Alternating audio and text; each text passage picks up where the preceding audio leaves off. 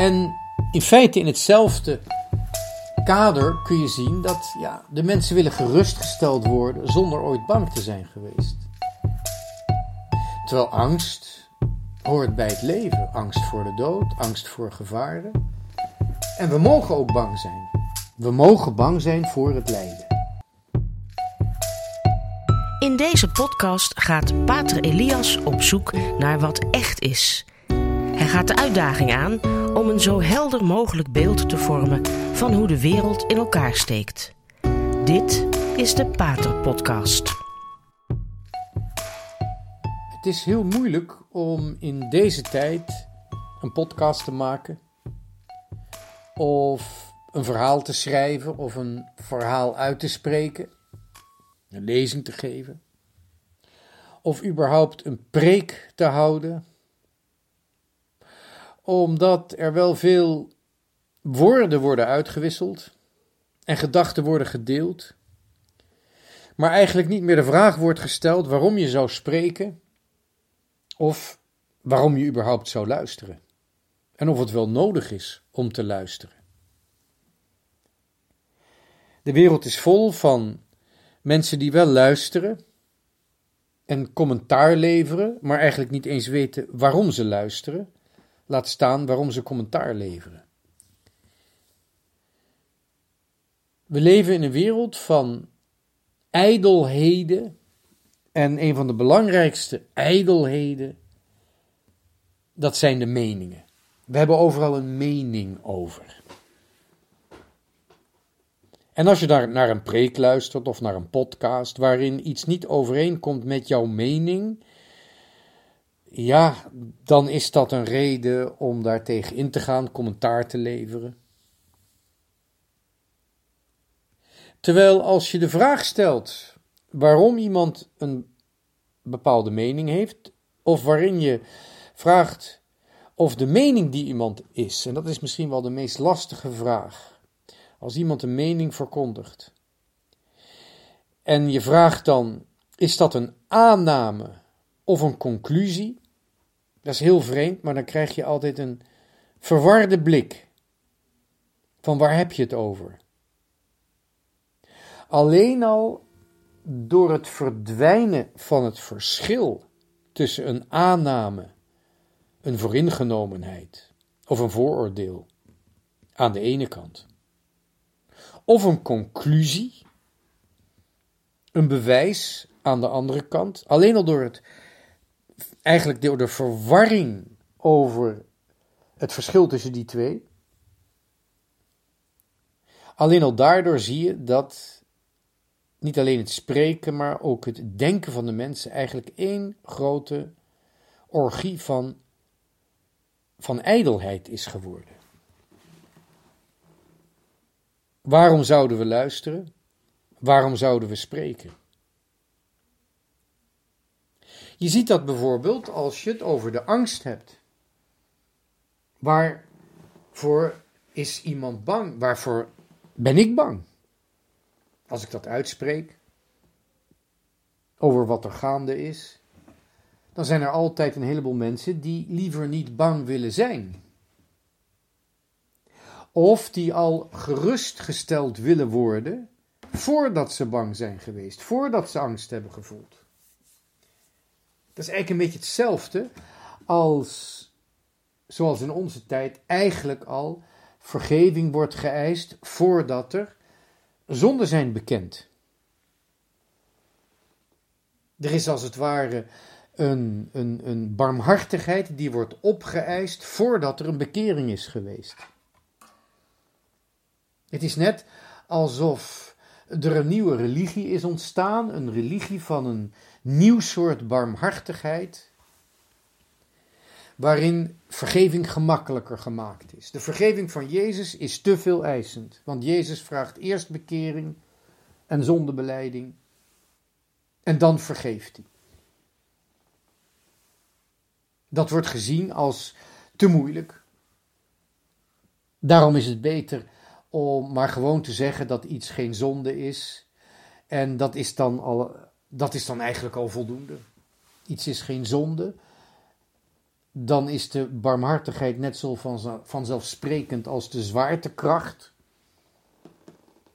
Of net zo zeker als witte kerst op de Zuidpool. En hoeven we het verder niet meer over bekering, over zondebekenning of over die moeilijke stap om in het licht van de waarheid te komen. Daar hoeven we het niet meer over te hebben. En in feite in hetzelfde kader kun je zien dat ja, de mensen willen gerustgesteld worden zonder ooit bang te zijn geweest. Terwijl angst hoort bij het leven. Angst voor de dood, angst voor gevaren. En we mogen ook bang zijn. We mogen bang zijn voor het lijden. Dat hoort bij het leven. We mogen bang zijn voor de dood. Daar is niks fout mee. En ook vrees voor het godsmysterie, on, de onverklaarbaarheid en de onzichtbaarheid van de goddelijke almacht, waardoor wij inderdaad heel normaal als mensen angst mogen voelen. Dat hoort bij het leven, dat hoort niet alleen bij het gewone leven, het hoort bij het religieuze leven, het hoort bij het geloofsleven. Vrees, ook al is het iets anders dan angst, godvrezendheid, vrees voor God, dat heeft altijd gemogen en dat mag niet verboden worden. Het gekke is dat het niet angstig mogen zijn, of laat ik het zo zeggen, bemoedigd willen worden, gerustgesteld willen worden voordat je bang bent geweest, of barmhartigheid willen aanvaren zonder dat duidelijk wordt wat nou de zonde is. Dat is echt iets van onze tijd. En eigenlijk in hetzelfde vlak zit die, ja, die eis om eigenlijk een mening te kunnen hebben, zonder dat je je daarbij afvraagt: is het een aanname of is het een conclusie? Het is heel vreemd, het doet mij altijd een beetje denken aan dat verhaal van de Titanic. Een van de overlevende officiers van het schip die dus nauw betrokken is geweest bij het inladen van de reddingssloepen, die vertelde dat zij toen het bevel werd gegeven dat niet vrouwen en kinderen eerst moesten, maar dat alleen maar vrouwen en kinderen de sloepen in mochten. Dat zou uiteraard vandaag niet zijn gebeurt in onze geëmancipeerde tijd, zou dat onderscheid tussen mannen en vrouwen niet gemaakt zijn. Maar in die tijd, die seksistische tijd, kon er nog zo'n order worden gegeven. Alleen vrouwen en kinderen de boten in. Toen dat order werd gegeven, bleven er soms plaatsen over en gingen de mannelijke officieren gingen elders in de boot nog vrouwen zoeken die mee moesten in de boot. En zij kwamen dan angstige vrouwen tegen die met geweld in de boten zijn gegooid. Daar zijn getuigenissen van. Want zij wilden niet bang zijn. Het schip was te groot. Zij wilden niet dat moment van angst meemaken om ineens in het nachtelijke donker in zo'n koude reddingsboot te stappen, ook al zou het hun leven redden. De grote, zinkende Titanic was nog te warm en te gezellig. En de verlichting deed het ook nog. En er was zelfs een orkestje.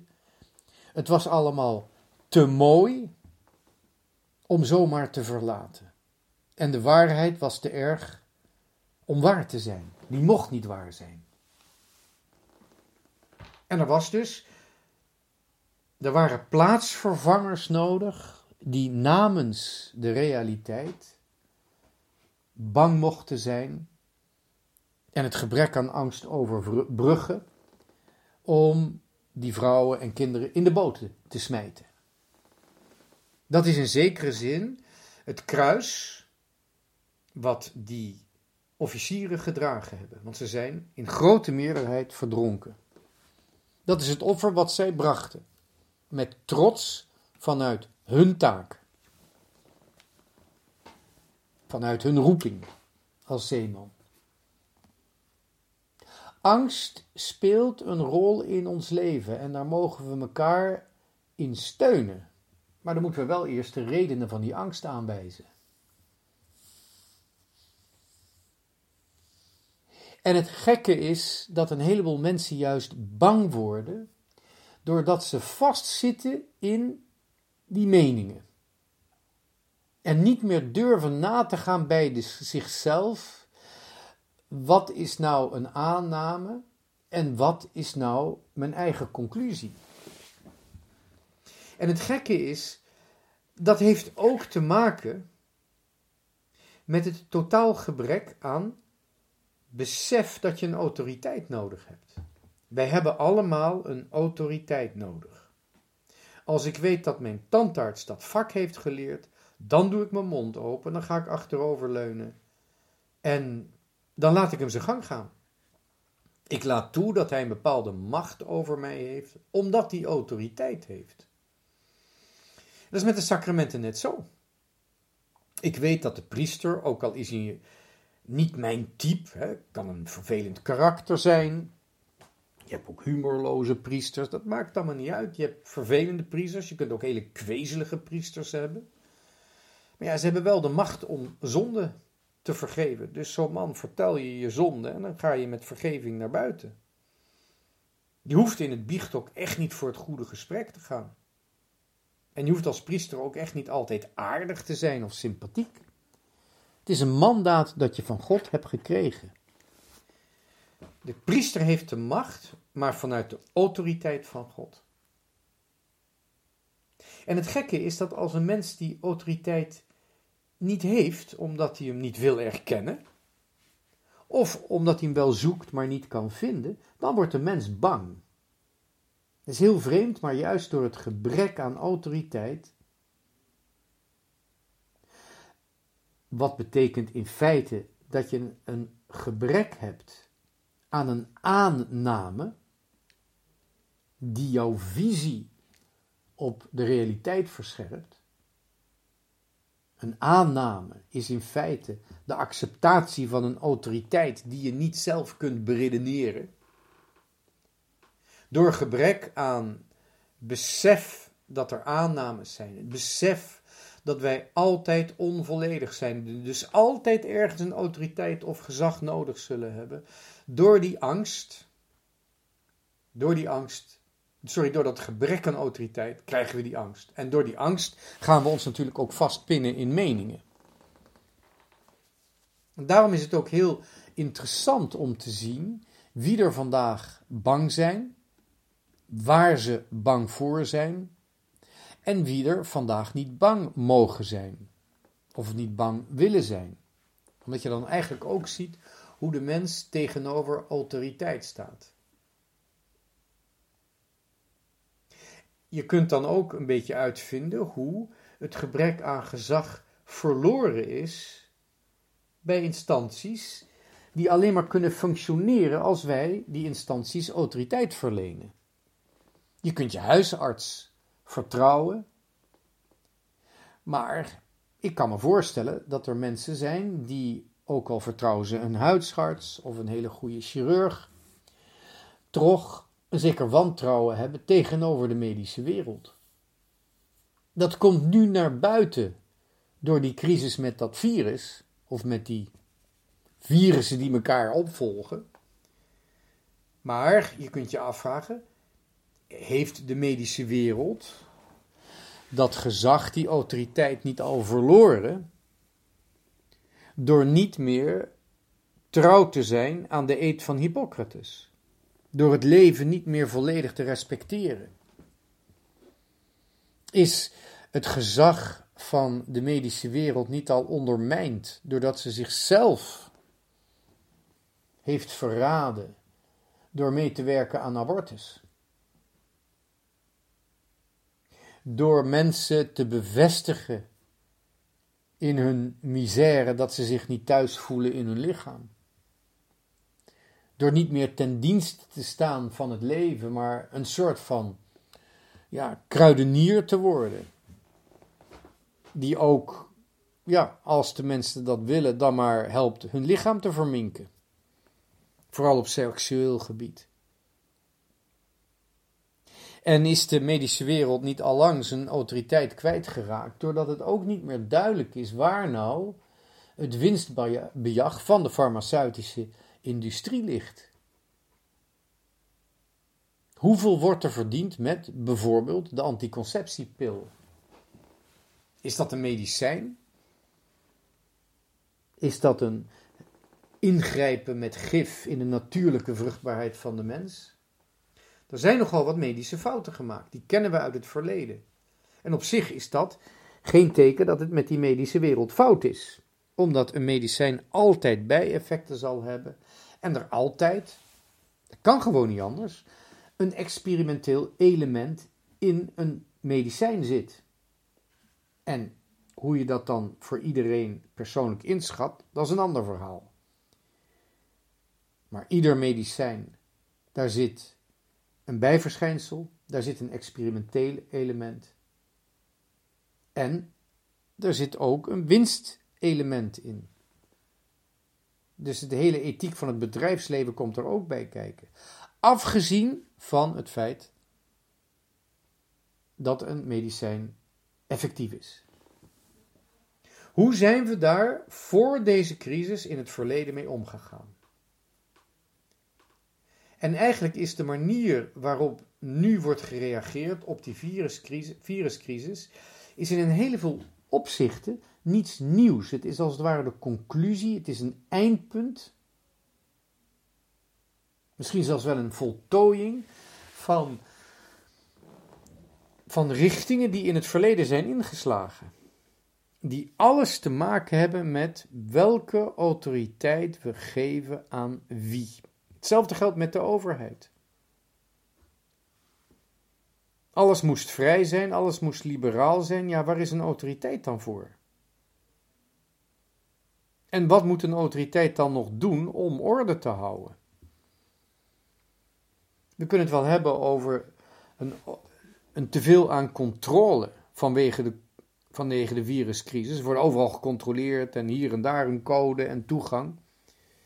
Maar in hoeverre we hoe ver hadden we dat uit, al uit hand, handen gegeven? Hetzelfde met de generatie jongeren die nu protesteert tegen de COVID. Ja, wat is de inzet eigenlijk? Ja, vooral of je wil feesten. Ik heb dus even nagetrokken. Er is maar één sector van de horeca in Amsterdam waar je geen mondkapje hoeft te gebruiken. En dat is de prostitutie de heilige koe van ons liberalisme, de seksuele revolutie. Want dat moet toch ook gewoon een business zijn? Wat duidelijk in de natuur bedoeld is als een geheime intimiteit tussen man en vrouw, die zich aan elkaar geven om leven door te geven die intimiteit is ook, net als bijna alles, is een verkoopproduct geworden. Is het gek dat de mensen hun vertrouwen zijn kwijtgeraakt in autoriteiten die dat gelegaliseerd hebben, die dat normaal vinden? Ja, en op een gegeven moment blijkt dan dat die autoriteit helemaal niet meer erkend is. Ook al is het op een ander vlak. Ook al is het niet wat betreft de prostitutie, maar is het betreft een virus.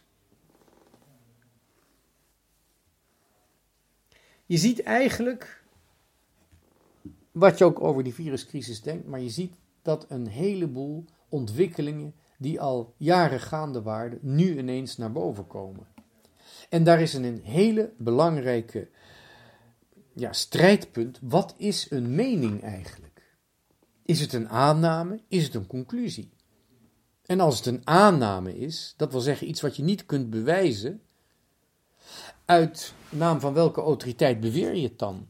Als je het niet kunt bewijzen, als het geen conclusie is, in naam van welke autoriteit zeg je dat dan? En als het je conclusie is, welke aannames heb je dan gedaan voordat je tot die conclusie kwam? En die aannames, als je die gaat ondervragen, waar komen die dan vandaan? Je komt altijd weer aannames tegen. En een mens kan geen aannames maken zonder ergens een autoriteit te aanvaarden. Dat is anders gods onmogelijk. Of het nou de mening van de, of het nou een, een, een, een uitspraak van de buurman is, of een conclusie van de wetenschap, of een dreiging met geweld, maar de mens heeft altijd bepaalde aannames. En zolang we die aannames niet onderzoeken, zullen we nooit een probleem oplossen. En zullen we nooit in ons persoonlijk leven of in ons leven als gemeenschap een richting kunnen vinden die ons nader bijbrengt, die ons met de naaste verbindt. Het is misschien een beetje raar om dat te horen, maar feesten is niet de meest intieme manier waarop we met elkaar omgaan. Uiteindelijk wordt de sterkste band tussen mensen geschapen die op weg zijn naar iets, die dezelfde richting gaan. Sterker nog, die voor elkaar offers brengen terwijl ze in die richting gaan. Dat is heel goed om wat dat betreft weer even de juiste richting terug te vinden terwijl we op weg naar kerstmis gaan. We mogen bang zijn, we mogen verlangen naar licht, maar we mogen ook eens even goed nagaan wie we nou eigenlijk aanvaarden als autoriteit. En als je autoriteit hebt, of je nou een arts bent, of een politicus, of een politieagent, of een ME'er, of een notaris, leraar, stel eens even jezelf de vraag: oefen ik mijn autoriteit uit op een gewetensvolle manier? Geef ik iets door? En natuurlijk voor de priesters ook, geef ik iets door dat die eeuwige waarheid van onze openbaring aanwijst. Ben ik echt een katholieke priester die vertrouwd kan worden, die door iemand die geïnteresseerd is in het katholieke geloof. Hij hoeft niet eens vroom te zijn.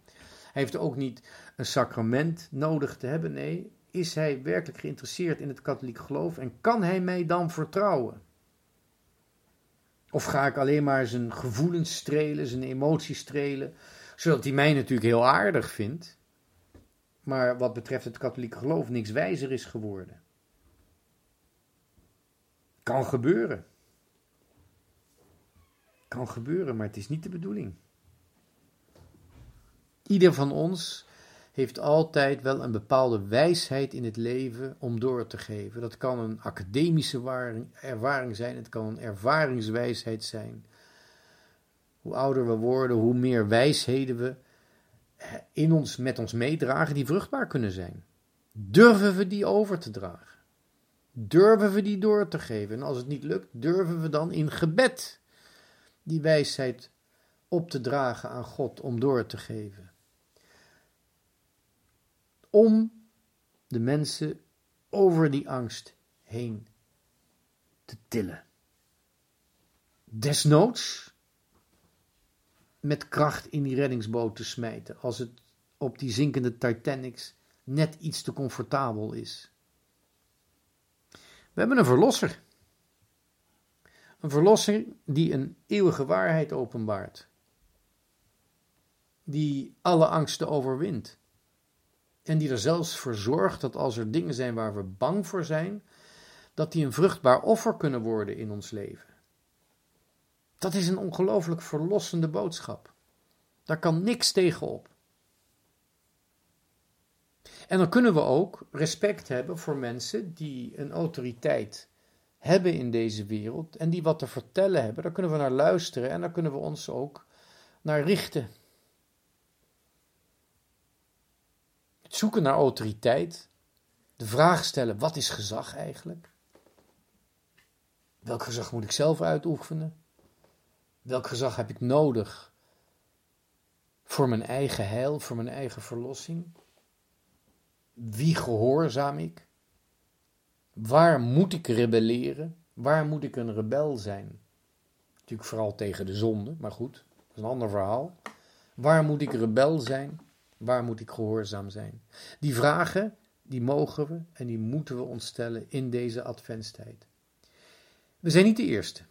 Er zijn ons generaties voorgegaan die telkens weer opnieuw de waarheid en het goede hebben doorgegeven door de offers die ze brachten, om trouw te zijn. Om op weg te blijven gaan naar het licht, het licht voor anderen aan te wijzen en ook anderen de moed te geven om naar dat licht toe te gaan. Dat is die ster van Bethlehem.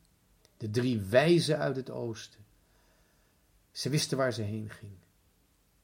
In het geloof, in de hoop. En ook al hebben wij niet zulke mooie spulletjes bij ons, we hebben geen mooie kleren aan, maar wij zijn ook koninklijke reizigers op weg naar het licht dat aan ons gegeven zal worden. Jezus Christus, onze Verlosser.